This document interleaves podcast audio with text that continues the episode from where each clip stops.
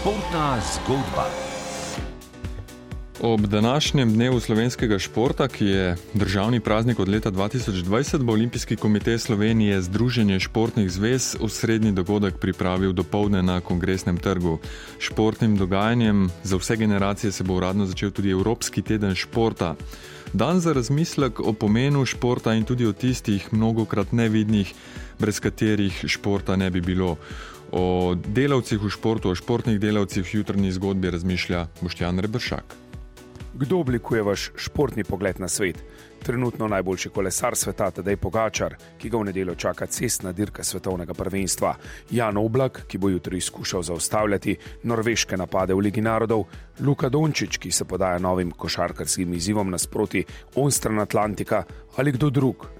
Obrazložitev vam na dan slovenskega športa ponuja še vedno eden najuspešnejših slovenskih športnikov, Miroslav Cerrar. Športnega pogleda na svet ne povezuje samo z uspehi. Mislim pa, da je pomembno, da smo kot ljudje, prebivalci, osveščeni, da je športna vzgoja, telesna kultura, šport samo po sebi še kako koristna za družbo, za celo državo, za posameznika, ne samo zaradi zdravja, tudi zaradi pravih človeških medsebojnih odnosov. Šport na nek način tudi vzgaja ljudi.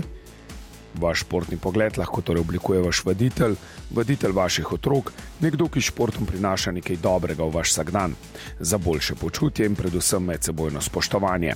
Franci Petek je leta 1991 osvojil naslov svetovnega prvaka, že s povsem slovenskim pridihom. V treh desetletjih slovenske samostojnosti je slovenski šport pridobil ne le cel kup svetovnih prvakov, potrditve v mednarodnem prostoru, športnih vrhuncev in navijaške euforije, ki nam jo zavidajo tudi najbolj razvite športne države. Ampak tudi cel kup eminentnih funkcionarjev in predvsem znanje, kako organizirati največje športne dogodke. Verjamem, da se ob njih najboljše počutite ob slovenskih zmagah. Ampak Franci Petek pomenljivo dodaja. Pripraviti tako prvenstvo, biti del tega, kar koli so odgovoren, je bolj stresno kot uh, pripravljati se za svetovno prvenstvo kot tekmovalec. Čeprav seveda to gradiš leta in leta, da prideš do njega kot tekmovalec do nekega rezultata, ampak vendarle je malo bolj umirjeno vse skupaj. Um, tukaj pa uh, pač ura tik-taka in um, 21. februar bo vsak čas tukaj.